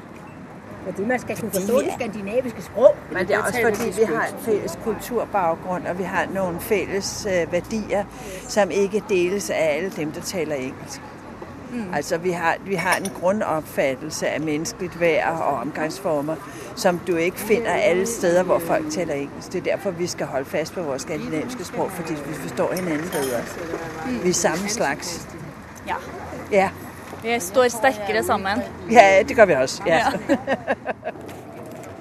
Damer med sterke meninger om språkbruk skandinaver imellom. Men å imitere norsk, det syntes de ikke var så lett. Og det fører oss over til det første spørsmålet om dansk. Og det kommer fra en av dine lyttere, Emmy Rasper, programleder for Språket i P1. Ja, precis. Men jag tänker att vi ska först eh, starta med att lyssna på hur det kan låta just när svenskar försöker imitera danskar. Jag har en kompis som tycker det är jätteskoj att imitera både danska och norska och eh, här har han gjort ett försök att uh, tala danska. Ja, nu har vi spist uh, så frokost, og så skal vi væk på, uh, på byen. Og der skal vi ta så en par, tre, fire store pils. Øh, og sådan, ja, sen må vi se, hva som skjer. I Danmark, der har vi så gode ting. Vi har Tivoli, og vi har det ganske gamle danske klassiker møbeldesign. Og vi har smørrebrød. Hold kjeft, mann. det er så utrolig. Jeg syns til å være svensk så var det utrolig imponerende. Er dere enig? Jag vet ikke hva Helle sier. Ja, ja. Ja, jeg er nå ikke så imponeret. Fordi det lyder jo som en karikatur på, på det danske språket. Ja, ja, ja. Og det er jo problemet. Ja, men exakt. Jag tänker att det blir ofta karikatyrer. Och jag har en lyssnare som heter Rasmus och är från Borås i Sverige. Och han undrar hur det kan låta när just danskar driver med svenskar och norskar och försöker imitera våra språk. Eh, Før språkprofessor Jørn Lund svarer, Emmy, så vil jeg bare minne lytterne om at det er Jørn og programleder Helle Solvang som svarer på spørsmål om dansk. Og dette spørsmålet dreide seg altså om eh, hvordan det høres ut når dansker hermer etter eh, svensk og norsk. Det gør vi faktisk ikke så tit. Vi er meget pene mennesker i Danmark, der, vet at, at vi hverken kan tale norsk eller svensk. Jamen, det er ikke helt for sjov, jeg sier det. Der er ikke noen fast tradisjon for at efterligne norsk eller svensk. Vi kan indsætte svenske ord, øh, fønster for eksempel, hvis vi skal gøre os forståelige over for en svensker, men vi giver os altså ikke til at prøve at, at tale ligesom svenskerne, og heller ikke som nordmændene. Men det vi hæfter os ved, det er øst livlige tonebevægelser. Øh, de virker ofte som om, de er mer passionerede og mer i affekt. Det gælder ikke folk fra Vestlandet i Norge. Øh, sydkysten er noe litt specielt. Men øh, jeg kan huske en gang, øh, jeg kom til Norge, og så kom der en person og spurte meg om veien til Nationaltheatret. Øh, på dansk ville det ha lyttet, øh, kan du sige mig veien til Nationalteatret? Men på norsk, der bliver det noget i retning af, og nu kommer der en karikatur. Kan du sige mig veien til Nationalteatret? Altså, endte helt, helt oppe i spidsen. Nationalteatret? Og som om det var et spørgsmål om liv eller død. Du troede, det var hospitalet. Ja, ja det, det kunne være sådan noget. Og, og jeg blev helt, helt, helt nervøs af det. Men Ja, det var jo ja, bare norsk. Det var bare norsk, og det var østnorsk. Ja, ja, ja. Øh, Når, når vi skal prøve at, at tale lidt svensk, så sætter vi A'er ind alle steder, hvor de heller ikke hører hjemme. Mm-hmm. Der var en, en, en, en mand, der gikk inn på en kafé og sa God dag, jeg er sultan. Sultan. og så sier tjeneren, "Øh, vil herr sultanen ikke sætte, sette seg der? Uh, Altså, sultan er jo en, en, en nu, nu forladt øh, betegnelse for en, en araber av, af høj byrd, men øh, på dansk sætter vi A-et ind i sulten og tenker ikke på at det heter hungrig på svensk. Mm. Veldig bra. Jeg tror vi stopper der med imitasjoner før vi risikerer å fornærme noen. Men jeg har lyst til å komme med et eh, norsk spørsmål eh, om dansk, og det handler om eh, tellemåter. Det er flere som spør hvorfor danskene har så komplisert tellemåte, blant andre Tore K. Aalberg. Er det noen planer om å endre på den, spør han. Det har det vært i, i flere 100 år, og det er aldrig lykkedes. Og det på trods af, at det er et meget bedre system, man har i norsk og svensk. Øh, for eksempel øh, er det øh, meget nemmere at trykke et nummer på en telefon, hvis man begynder med øh, tierne og ikke med etterne. Mm. Altså 52, så er det først 5, og så er det 2. På dansk siger vi 2 og 50. Vi siger altså 2 før 50. Mm. Øh, i enhver henseende at ønske, at danskerne gik over til 50 og 60 og hva det nu kan være. Men det er forsøgt. Det er forsøgt med alle midler. Det er forsøgt på pengesedler å skrive 50 kroner i stedet for 50 kroner. Men øh, vi blir ved med at sige 50, øh, 60, 70 øh, og ikke 50, 60 og 70 eller 70. Og det harmonerer med langt de fleste sprog, men danskerne vil ikke ændre deres tællemåde, og nordmændene har jo også haft svært ved at finde ud af, om de skulle sige 52 eller sige 52. Mm. Eller hvordan sylfast? Jo da, det er stadig vekk begge men, måter. Men dere, hvorfor er det slik at danskene teller på en så spesiell uh, måte? Er igen, fordi øh, der er mange forskellige talemåder i de europæiske sprog. Fransk for eksempel, øh, hvad hedder 80 på fransk? Det hedder quatre hvad? 4 gange 20. De har nøjagtigt det samme system, som vi har. Så det er ikke en dansk specialitet. Det er en dansk specialitet i nordisk sammenhæng. For islændingene, de har også den fornuftige tællemåde. Det er danskerne, der har den ufornuftige. ja, jag har en till fråga här om danskan från en lyssnare som heter Ingemar Henriksson. Han undrar så här. Apropå norska och danska så undrar jag om man har kommit lika långt i de andra nordiska länderna som i Sverige med du-reformen. Kan det vara risk att man verkar oartig om man duar alla när man pratar svenska i Danmark och Norge? Nej, eh, I begynte før danskerne. Det er helt tydeligt, at du har stået stærkere både i norsk og i svensk litt længere. Men, men øh, jeg vil nok sige, at de er, er, er lige ved at blive sjældent på dansk, ligesom hilseformen goddag og farvel er blevet sjælden, mens hej mm. er, og hej hej, som er vores afskedssignatur, øh, har bredt sig. Mm, og jeg har jo som programleder her i Danmarks Radio været med til at opleve denne her, det her skift omkring år 2000, hvor vi sagde de til vores lyttere og, og gikk så over til du. Så det skete lige der omkring 2000. Mm. Vi kan jo skyte inn, vi kan jo skyte inn et par ord om du-reformen i norsk også, eh, ja. siden Ingmar Henriksson spør om det. Sylfes Lomheim? Det er vel ingen tvil om, ja. iallfall i Norge, at vi fikk eh, denne duinga fra Sverige. Og i Norge så pleier vi rekne dette helt presist i åra rundt 1970. Da skjedde det, vi kan dokumentere det gjennom NRK, at etter 1970 så kunne en nyhetsjournalist i NRK sier du til en statsråd, en minister, medan de på 60-tallet ville si de. Og uh, i, uh, i, moderne norsk så er det jo veldig sjelden at vi møter folk som, som vil bli dia, altså og sagt de til. Det finst visstnok, men de er veldig sjeldne. Og i statlig forvaltning, i brevveksling mellom stat og borgere, så har staten rett og slett sagt at det som skal være gjengs i norsk korrespondanse, er du.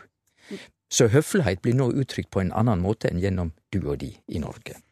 Jeg har et norsk spørsmål her om danske språklyder. Det er flere som spør om eh, måten dansk låter på, blant andre Anitra Fossum. Hvor har dansk de rare lydene sine fra, spør hun. Jeg håper ikke dere blir fornærmet over men, men, men, men, det er jo litt spesielt. Men rar betyr jo riktig deilig på dansk. Ja, men dette er en norsk lytter, Helle.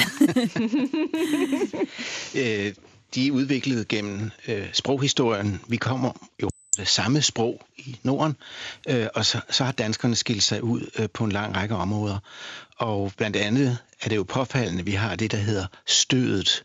Øh, vi skældner mellem anden og anden, møller og møller, gående og gående, og kørende og kørende ved hjælp af dette øh, stemmebånds øh, opbremsningslukke. Og det har vi gjort øh, for å skille på samme måte som norsk og svensk skældner mellom accent 1 og accent 2, altså to ordmelodier. Øh, mellom mellem bønder og bønder, altså bønder og bønder. Mm. Øh, altså, der har vi altså stød over for ikke stød. Sånn at gamle enstavelsesord har stød og flerstavelsesord ikke har stød. Det er hovedregelen, og nå skal der ikke mer fonetik på bordet. Men øh, øh, allerede i middelalderen adskiller danskerne sig fra de andre nordiske sprog ved, at PT og K efter vokal øh, ændrer sig til en svækket lyd, som kan blive helt slap. Lad os tage sådan et ord som købe. Det hed køpa eller kaupa, og så bliver det til købe, og så kan det blive til køve. Køve. Der har I den der danske lyd. Øh, lata bliver til lade og så kan vi sluge det efterfølgende e, så det blir lavet. Og øh, kake kan bli til først øh, kake, og så til kage, og så kan lyden helt forsvinde i moderne dansk. En kage. Vi har altså fået, man kunne kalde dem slappe øh, konsonanter, i stedet for PT og K efter vokal, sånn som man har bevaret det i norsk og svensk. Og det er da klart at det syns i lyder meget, meget spesielt. Mm. Jag har en fråga her fra en av mine lyssnare som handler om danska og lånord på engelska. Min lyssnare skriver så her. Jeg har lenge undret hvorfor danskan har så mange låneord fra engelskan och där någon nordisk variant av ordet knappt tycks finnas längre, även om låneorden fått ett danskt uttal. Några exempel är weekend, computer, teenager och fair i bemärkelsen rättvis. Varför har låneord fått så starkt fäste så att de helt har suddat ut det danska ordet? Det här skriver en lyssnare som kallar sig ung och språkintresserad. Mm. Helle, jeg vet at du har samlet, eh, eller klippet sammen noen eh, sånne ord i, i, dansk. Kanskje vi skal høre på dem før vi får eh, svaret på dette med engelske ord i dansk dagligtale? Det krever bare en computer og et personlig password. Små smiley'er, som vi kender dem fra restauranter og butikker. til i stedet å speede opp for planene. Vi har jo levet i en terminologi, der heter at fredag jo egentlig burde være lille weekenddag. Det er foreningen av danske internetmedier, der i øyeblikket arbeider på å gjøre det mer sikkert for børn å at logge seg på chatsider. Hvad enten man nu betragter et fænomen som Halloween med begejstring eller med dyb forarvelse, så er det et faktum. Og det er altså sidste gang, inden sommerferien, at du kan logge ind på P3 her sammen med mig. Mm. Computer, password, smiley, speed up, weekend, t-shirt, download, jobs, community, teenage osv. Uh, Jørn Lund, stemmer det at danskene er verstinger i Skandinavia når det gjelder å bruke engelske ord i, i dagligtalen? Nei. Det gør det ikke. Vi lægger bare mere mærke til de forskelle, der er i optaget af engelske lån. Jeg lægger mærke til, at nordmænd kalder en mand for en keeper, når han står i et mål. Øh, og vi siger en målmand. En ja, og nordmænd siger øh, clutch, hvor vi siger en kobling. Øh, og I siger rush tit, altså myldretid, siger vi. Og øh, der er mange andre eksempler. Jeg tror også, I siger mouse, øh, og vi siger mus for det, man holder i sin hånd ved Nå, computeren? Nej, vi siger mus, ja. Så okay. Vi siger lunch i hvert fald. Ja, vi siger lunch, det kan vi ikke. Ja. Men, men det har jo blitt, det har jo vært gjort noen undersøkelser. Altså, hva vet vi om bruken av engelske ord i norsk, dansk og svensk? Jamen, det vet vi fra en stor undersøkelse i 2005, og den sagde, at på det tidspunkt, hvor man lavede den undersøgelse, der, der var der lidt flere øh, engelske lån i norsk end i dansk. Jeg er bare nødt til å si det. Det er en myte. Mm. Øh, myte. Ja. Mm -hmm. Sylfest Lomheim, du, du, står her og hopp, hopper litt. Grann. jo, nei, men dette er helt uh, riktig. Det. det er en uh, fordom, rett og slett, som er utbredd at dansk låner mer engelsk enn enn de andre, altså norsk og svensk. Men vi låner selvsagt ikke på nøyaktig samme måte, og så ikke på samme ord, og så legger vi merke til forskjellene, akkurat som, som uh, Jørn sier. Den eneste forskjellen er kanskje at norsk er litt mer uh, gjennomgående når vi skriver dem, altså vi skriver sjef fonetisk SJEF, medan dansk skriver CHEF, slik at vi legger merke til nokre små fonetiske forskjeller, men egentlig så er det riktig det Jørn sier, naturligvis. Mm. Jeg, jeg, jeg, la ut et spørsmål på Twitter og på Facebook eh, der jeg spurte hvem i Skandinavia bruker flest engelske ord i dagligspråket sitt, og de fleste som kastet seg på, de sa det er danskene. Så hvorfor har vi inntrykk av at danskene bruker så mange engelske ord, eh, hvis det ikke stemmer? Men det, det kan være tradisjon, fordi at eh, hvis vi går så langt tilbake som 1970-åra, og før den tid, så tror jeg nok vi kan si Jørgen, at da hadde kanskje ikke norsk så veldig mye engelske låneord. Men Nei. dette har endret seg den siste generasjonen. Og det kan også være fordi, at uh, i dansk der former vi rigtig mange uh, engelske ord faktisk. Nogle som er opstået i Danmark, men som lyder engelsk. Altså time manager og slow cooking og smoking og cotton coat. Det er det ord, der er opstået i Danmark. Og så, så kan det jo lyde som om, at, uh, at vi har mange flere engelske ord, når man også tar de låneord vi lige har hørt om før, ikke? med. Ja. Mm.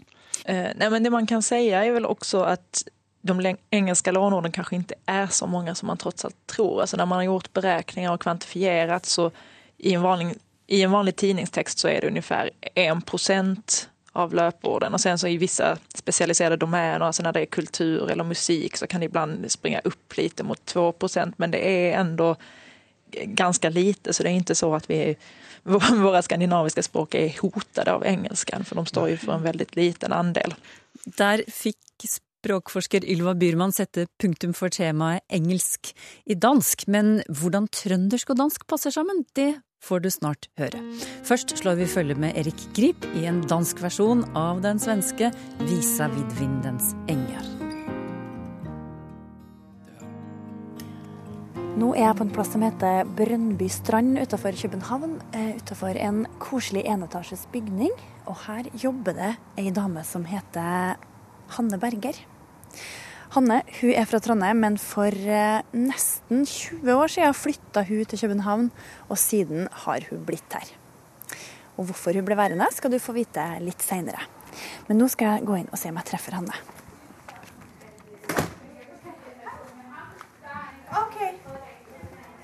Her kommer Hanne. Ja. Ok, det går du bare. Ja, fornemt. Vi ses derhjemme. Hei. Hei. Du snakker jo dansk. Jeg snakker pæredansk. Velkommen til. Takk for det. Før Hanne kan dra hjem fra jobben på aldershjemmet, må hun ha et lite overleveringsmøte med kollegaene som skal på kveldsvakt. Tina, de der MRSA-prøver, de var negative.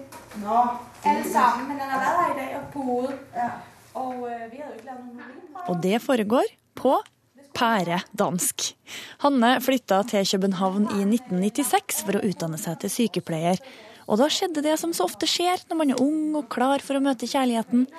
En danske kom inn og fordanska hele livet hennes. Men hva syns kollegene om dansken til Hanne? Hanne, hun taler fint dansk. Ja. Og vi kan slett ikke stoppe henne. men, men, hører du noen ting som gjør at hun avslører at hun er norsk? Nei, faktisk ikke. Vokalene? Ja.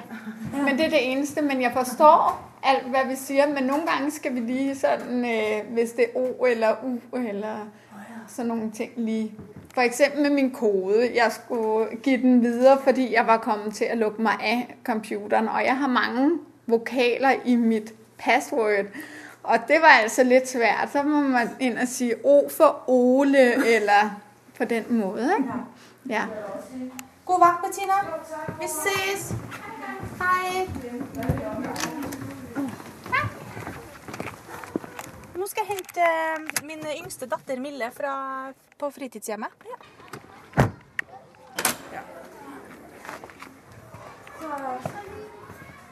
Her er det jo en eh, jungel av masse muligheter hvor jeg kan finne henne hen. Der var hun. Hei, Hei, har du hatt en god dag? Ja. Nå. Vil du med hjem? Vil du sykle, eller vil du med bilen? Med bil. Ok. Skal bare lige sige farvel til Ja, du sier lige farvel. Jeg skal hente et sykkel eller Randi. Ja.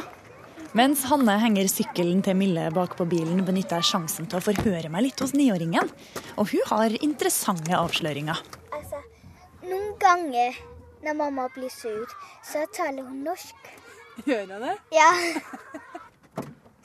Vi har baksnakka deg litt, vi nå. Ja, jeg skjønner det. Og Milla sa at når du blir, blir veldig sur av og til, så snakker du norsk. Ja, da kommer norske glosene. For da blir jeg så frustrert at da glemmer jeg dansken. Vi er kommet hjem til Hanne og familien. Et koselig enetasjes hus i en stille københavnsforstad. Hei. Hei. Det er Emma, da. Hei, Emma. Emma, ja. Hei, er Randi. Hei. Du snakker trøndersk, du. Ja. Emma er trøndersk, ja. Emma er storesøster og 13 år.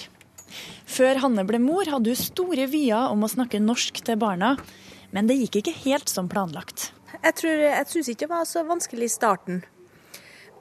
og jeg prøvde liksom å holde fast på det at de skulle kalle meg mamma og sånn. Det snakka vi veldig mye om før vi fikk barn. At hvis du fikk barn, så, de, så var det mamma. Mamma og pappa, det klarte ikke han helt å forlike seg med, da, så det var far, da. Mamma og far. Men eh, det gikk liksom bare i vasken.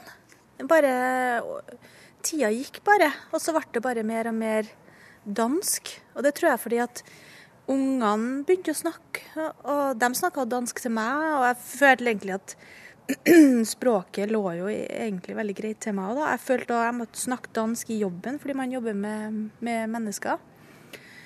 Så det har bare Helt ubevisst, egentlig, har den bare forsvunnet, det derre troen på at mine barn skal ha to språk. Nei, alt har bare blitt dansk. Da du kom hit i 1996 og skulle studere til sykepleier, Ja. hvordan var det da? Ja, men, Med språket? ja, men da, da har jo aldri, jeg har jo alltid sittet bakerst på, på skolen. I alle sammenheng bakerst. Men eh, da, da måtte jeg bare innse at jeg ble simpelthen, jeg måtte nødt til å sette meg forrest. Jeg satt helt nesten opp eh, på fanget av læreren. Og det måtte ikke være en lyd i klasselokalet, for de så mista jeg tråden. Så jeg syns jo det var veldig vanskelig, og eh, jeg missa utrolig mye. Men, eh, men jeg tok det lell ganske kjapt, altså, i forhold til andre medstuderende som òg var, var fra Norge.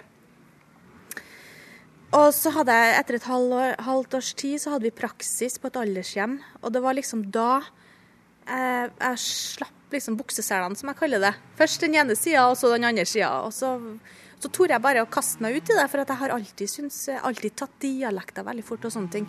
Og jeg var vel en av de første av studiekameratene i hvert fall, som begynte å snakke dansk, da. Eller i hvert fall bruke danske ord, da. Og så blir man jo bare mer og mer modig. Men det var ikke bare språket Hanne kasta seg uti. Hun plaska også rett ut i kjærligheten. Tre etasjer over i studentkollektivet bodde danske Jimmy. Og nå har de vært sammen i 16 år og har to fine jenter. Hanne og Jimmy har hele tida snakka dansk sammen, men det er noen lure småord som stadig skaper litt krøll. Det med å må og skal, det er jo der jeg vil si ekteskapet kommer på prøve mange ganger. For jeg har jo sagt til Jimmy at eh, nå må du ta den oppvasken før jeg kommer hjem. Eller nå må du gå ut og vaske bilen, eller nå må du dra og hente ungene. Og han har jo ikke gjort det. Så når jeg kommer hjem, så har han jo verken henta ungene eller tatt oppvasken eller vaska bilen. Så sier jeg hvorfor har du ikke gjort det? Ja, men du sa jo jeg måtte, at jeg, at jeg, må, at jeg må. Ja, og det betyr jo på norsk at da gjør du det, altså. Nå har jeg bestemt at nå må du gjøre det her. Men da skal man si på dans, da skal man si skal. Du skal ta oppvasken, du skal vaske biler, du skal hente ungene. Og det, det styrer vi faktisk litt med ennå, altså. Og det er etter eh, 18 år i dette land. Så det er ikke nødvendigvis så enkelt. Og av og til kan de små misforståelsene bli både pinlig og morsom. Det å kneppe ja. Kneppe på, på dansk er jo å, å ha samleie. Og, da, og på oss er å kneppe det er å kneppe en skjorte eller ja. Så jeg Å hadde jo kneppe en skjorte så høres ikke veldig artig ut på dansk. Nei, det er veldig kjedelig. Men når man, når man nå møter en danske, en eldre herre fra aldershjemmet der, i min praksis, min første praksis, så skulle jeg jo spørre han om jeg, om jeg kunne om jeg skulle hjelpe ham med å kneppe hans skjorte.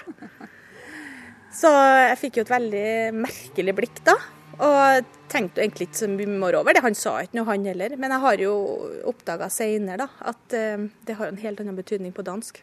Men det der med morgenbrød, altså, det var jo i starten egentlig hvor vi på kollegiet, eller kollektiv, eller kollegiet heter jo det her, da.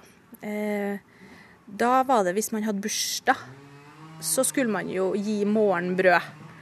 Og en liten gammeldansk, selvfølgelig, og kaffe og te, da.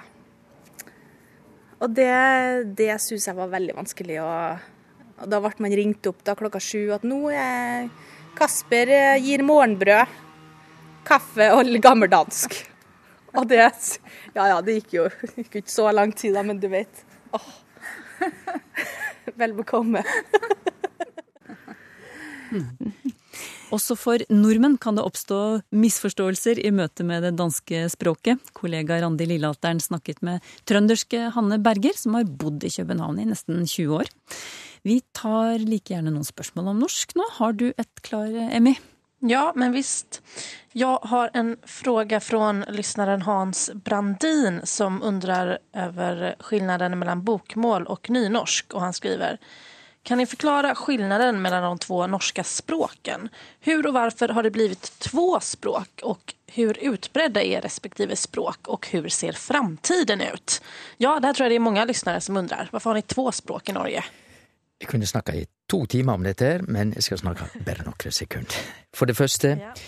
eh, skilnaden på bokmål og nynorsk kan sies brutalt kort, på den måten at bokmål ligger nærest dansk, av de to norske variantene, og nynorsk ligger nok nærere svensk av de to norske variantene. Og det kan alle høre når jeg nå snakker nynorsk, at dette likner mer kanskje svensk enn dansk. Uh, nynorsk har jo da kjærleik og uh, samvit, og vi sier å selge og å velge. Dette høres veldig svensk ut. Men Samvittighet og kjærlighet og å selge og å velge, det er mer dansk. Og så kvifor har vi to, og da bør jeg vel også seie at dette er ikke to språk, egentlig, men eit språk, norsk, har to skriftvarianter, og det er viktig å få fram. Og dette oppsto fordi at da norsk igjen skulle ha et eget skriftspråk, vi må få et skriftspråk, og så fikk vi to svar. Det vart både ei gradvis fornorsking av dansk, og så det den andre løysinga med dialektbasert nynorsk eller landsmål. Hvor store disse to variantene er nå? Ja, nynorskbrukarane ligger mellom 10-15 prosent av folk, og det betyr at det er bokmålsbrukarane som dominerer stort. Eh, lik rundt 1940-1950. Eh, da var nok nynorskbruken oppe i mellom 30 og 40 prosent, men har gått tilbake. Det må vi forstå som et resultat av sentralisering. Altså alle utviklingstrekk som dominerer i det moderne samfunnet, er nok tøffere for nynorsk, som er, når det sant skal sies, ikke spesielt urbant. Det er i daler og fjorder, og ikke i tettsteder. Der er nynorskland i Norge. Mm -hmm. Så var det framtiden, da? Og framtida? Ja. Hvis både bokmål og nynorsk overlever lenge nok som skriftvarianter, så vil begge forsvinne. For da vil disse to gli sammen om 100-200 år. For de er mye likere nå i 2014 enn de var i 1914. Mm, er spennende. Mm. Ja, og så har jeg jo et uh, spørsmål, der supplerer det. Det er Kåre Kristiansen, der skriver, har norsk udviklet seg vekk fra det danske sprog fra skilsmissen mellom Norge og Danmark i 1814, eller tog det først fart da nynorsk kom til? Heller det siste, fordi at eh, etter 1814 og like fram til 1905, i tida med union med Sverige, så har det aldri vært skrevet så mye dansk i volum og heller aldri så mye korrekt dansk som faktisk etter at den såkalla dansketid var over. Og det betyr at eh, nynorsk bokmål det er noe som har kommet til seinare. Eh, og det er ganske mange nordmenn også som ikke er klar over at hvis vi stiller spørsmålet hva eh, nynorsk og bokmål, hvem har lengst skriftspråkstradisjon i Norge av disse to variantene, så er svaret nynorsk. For nynorsk ble tatt i bruk i 1860 cirka, og framover, medan bokmål, skråstrek riksmål, egentlig ikke ble en norsk skriftspråksvariant før på slutten av 1800-tallet, eller la oss si rundt 1900. Så det er nynorsken som er eldst av de to. Mm. Jeg går videre. Eh, lyssnaren Kaino undrer hvilke dialekter i det egne språket, norsken altså, som anses være svåre eller spesielle? Ja, da er det jo slik at eh, den dialekten som ligger nær din dialekt, syns du jo er lett. Og slik er det, dette er universelt for alle. Så det legger vi da til sides, og så tenker vi oss likevel hva slags dialekter som er vanskeligst. Da må det bli de som skiller seg mest ifra standardbokmål, standard nynorsk kanskje. Da vil jeg si kort Setesdal, talemålet der, talemålet i Sogn, Sognefjord, altså på sentralvestlandet, og kanskje også midtnorsk, for der er det veldig mye jamning, altså vorrå istedenfor væra, og bortfall av lyder, apokope, altså å kast. Så jeg tror mitt svar vil være midtnorsk og litt Setesdal og sentralvestlandsk. Den danske lytter Peter Christensen noterer seg at uh, der er ord som kan skrives på forskjellige måter på norsk. Eksempel vei og veik. Vei og vei med VEI og VEG. Hvordan kan det være? Det er riktig, og da er vi inne på et område der norsk skriftspråk, både bokmål og nynorsk, skiller seg veldig tydelig fra de andre skandinaviske skriftspråkene og europeiske språk i det hele tatt, nemlig at det er utstrekt valgfridom. Det er mange former i norsk språk som er korrekte. Vi kan skrive fram eller frem på bokmål, boken eller boka, vi kan skrive veg eller vei, og på nynorsk kan du velge mellom å elske eller å elske, osv., osv. Masse korrekte former ved sida av hverandre, og det er på det området er virkelig Norge lite typisk de andre språka. Eh, ja, eh, Kim Lindgren undrar om man i norskan har noen motsvarighet til det svenske pronomet hen. Ja, det er hen i norsk også.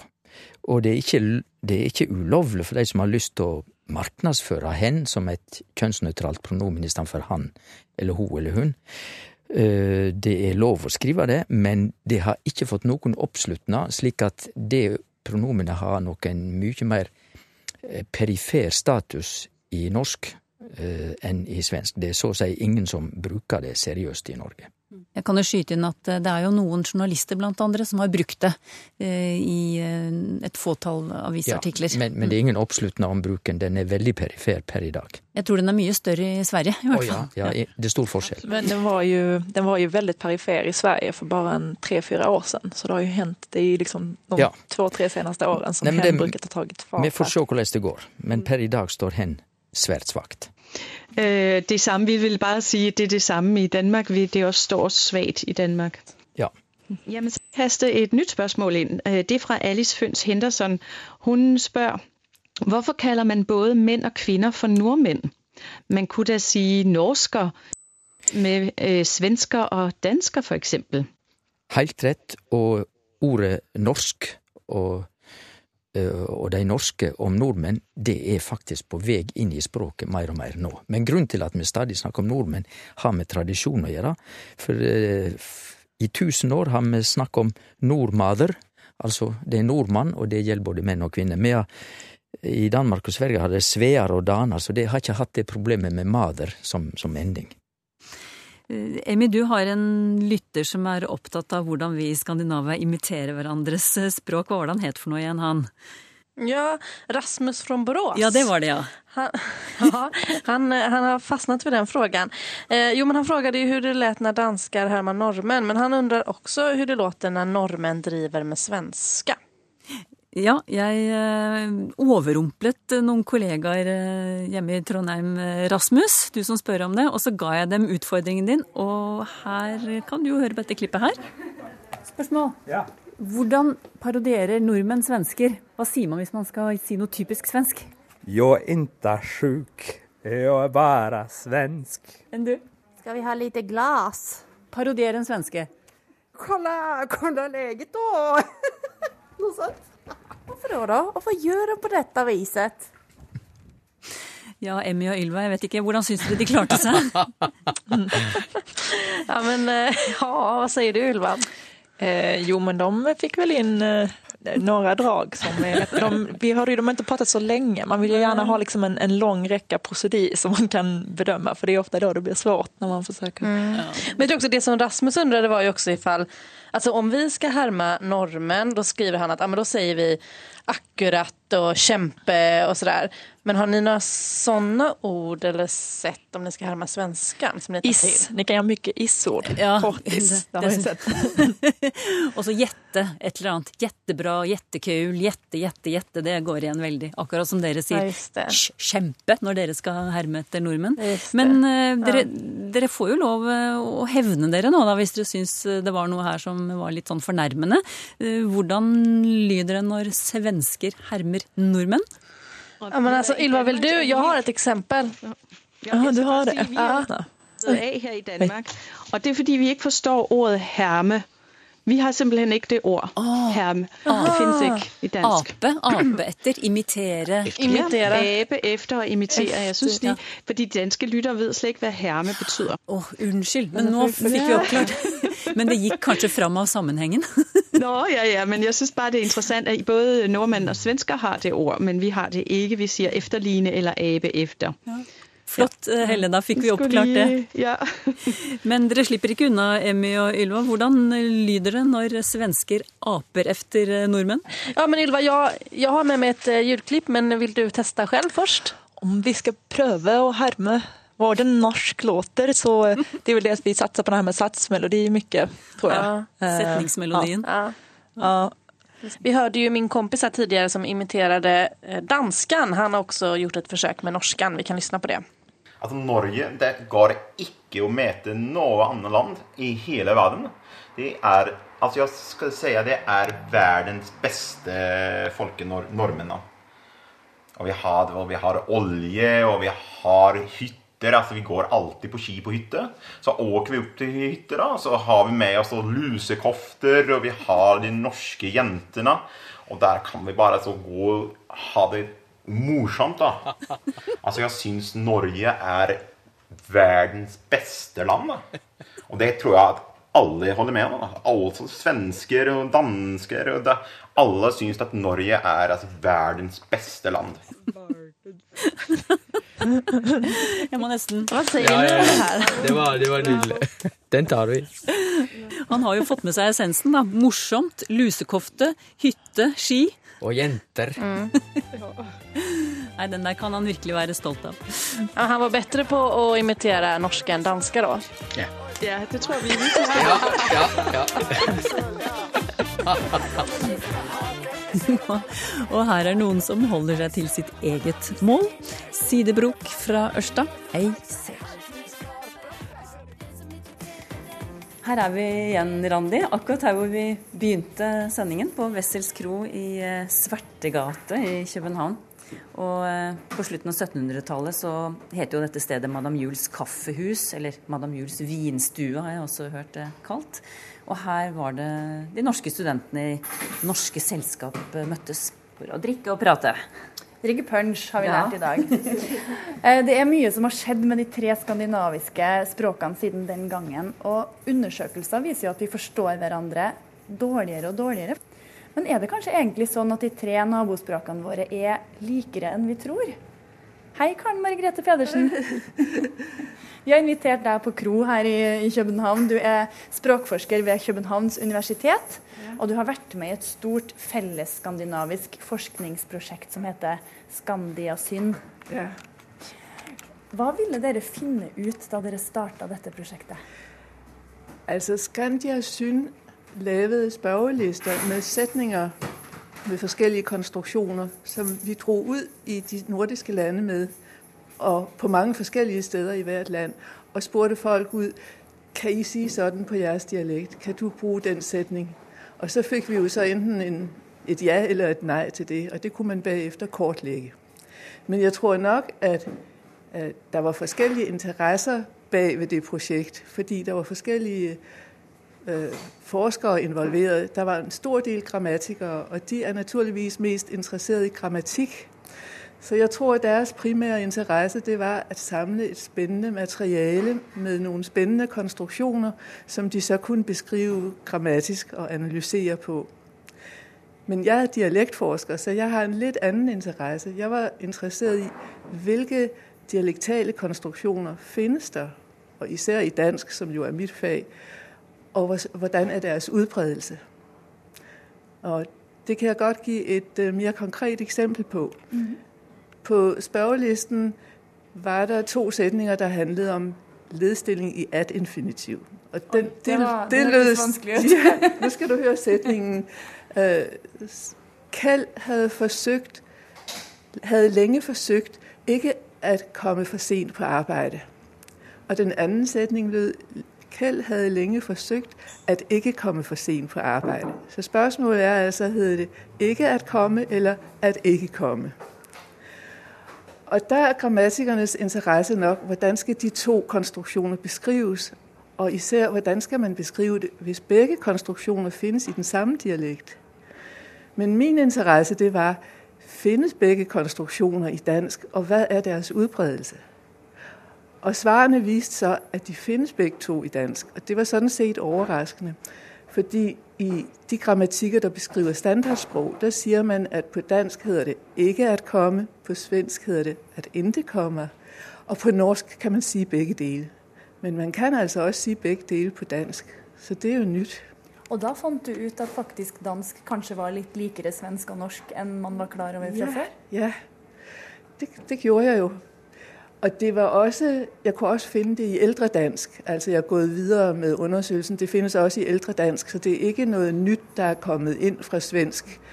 Det findes i middelalderdansk. Så det er genuint gammelt dansk. Mm. Hvor skarpe vil du si at språkgrensene er mellom norsk, svensk og dansk? De er ikke skarpe. Altså, vi har jo meget til fælles, ellers ville vi to ikke kunne sidde og tale på hver sit sprog og forstå hinanden, i hvert fald nogenlunde godt. Man kan faktisk sige, at dansk, norsk og svensk er dialekter af det samme sprog. Og når man ikke siger det, men siger, at de er forskellige sprog, så hænger det sammen med, at de har hver deres skriftsprog og tilhører hver deres nation. Men hvis den politiske situasjonen ikke var sånn, så kunne man sagtens kalle det for dialekter av det samme sprog. I gammel tid, i fællesnordisk, før middelalderen, der havde de nordiske sprog ikke nogen bestemthedsbøjning. Og det vil sige, at man at med lov skal land bygges, og ikke skal et land bygges, eller skal landet bygges. Men den bestemthedsbøjning, den opstår så i løbet af middelalderen. Og i øh, Norge og Sverige, der får man det, man kalder dobbeltbestemthet. så man sier den manden, eller det landet. Øh, det har man ikke i dansk. Der sier man den mand og det land. Så der har språkene altså gået hver deres vei. Der er bare den lille undtagelse, at Bornholmsk følges med svensk, og det er så et eksempel på, at grænserne er ikke så skarpe. Jeg kunne også godt give et annet eksempel, som har med kasus å gøre. Øh, på alle de skandinaviske sprog, der sier man Anna og jeg, hvis Anna og jeg er subjekt. Altså Anna og jeg vasket opp. Men i Jylland, i Nørre-Jylland, der har man længe sagt Anna og meg'. Anna og meg vasket opp. Vi kan følge det lige så langt som kilderne rækker, og det vil sige til begyndelsen av 1800-tallet. Der sagde man det i Nørre-Jylland. Og det har bredt seg til hele landet, og efterhånden også kommet inn i standarddansk. Det vil sige, det kom det først omkring 1950. Og så det sjove ved det er, at det har også bredt sig fra Nørrejylland til Norge, så man kan finde det i kystlandet på sydkysten i Norge. Og det siger lidt om, at der har været kontakt mellem det nordlige Jylland og så det sydlige Norge. Det er lidt sjovt. Mm. Men det er jo også et, øh, et bevis, kan du si, på at det ikke landegrensene Nei, er, som det... Eh, setter grenser for påvirkninger. Ja, det er, det er helt klart bevis på det. Men jeg likte veldig godt det du sa, at egentlig kan vi se på norsk og svensk og dansk som, som ja, skandinaviske dialekter. Ja, det, det, den, det varmet hjertet mitt. Men stadigvæk vil folk jo si at det her er tre forskjellige lande, og vi har tre forskjellige skriftsprog. Eh, Karen Margrethe Pedersen, tusen takk skal du ha for at du fortalte oss eh, om dette her. Det var veldig interessant. Men Randi og jeg vi skal jo fly hjem til Norge nå. Og så hadde vi lyst til at du skulle gi, gi oss noe som vi kunne ta med på veien og tygge på grann. Så vi lurer på hvilket nyttig dansk ord mener du at vi mangler på norsk? Jeg tror ikke vi mangler noe. Hvilke ord ville I synes jeg skulle ha inn i mitt Ja, ikke sant? Eh, Jeg traff en danske en gang som hadde blitt veldig glad i ordet hybelkanin. Kjenner du det? Nei. Det er det støvet som samler seg i sånne baller under sengen og under sofaen, vet du. Når det er veldig støvete. Det heter nullermenn på dansk. Si det en gang til. Nullermenn. Jeg fikk et veldig morsomt ord, syns jeg, da, av den samme dansken, og det var eh, skumfidos. Og det var det samme som marshmallow. Ja, det er noe slik. Ja. Ja, det er riktig. Altså, jeg har, jeg har det litt sjovt med det ord, fordi mine børnebørn bruker det som skjellsord. Din skumfidus. Og jeg tror det er noe de har lært i børnehaven for ikke å bruke et, et verre skjellsord. Så er det ikke så slemt å bli kalt for din skumfidus. Så jeg har opplevd å bli kalt din skumfidus. Kanskje vi skal begynne med det? Ja, det. Med sånn kraftuttrykk når vi Ja. blir sint på noen. Når vi sitter, eh, drar hjem og begynner eh, publiseringen av dette programmet og blir sint på hverandre, så kan vi kalle hverandre for din skumfidos. Yeah. skumfidos.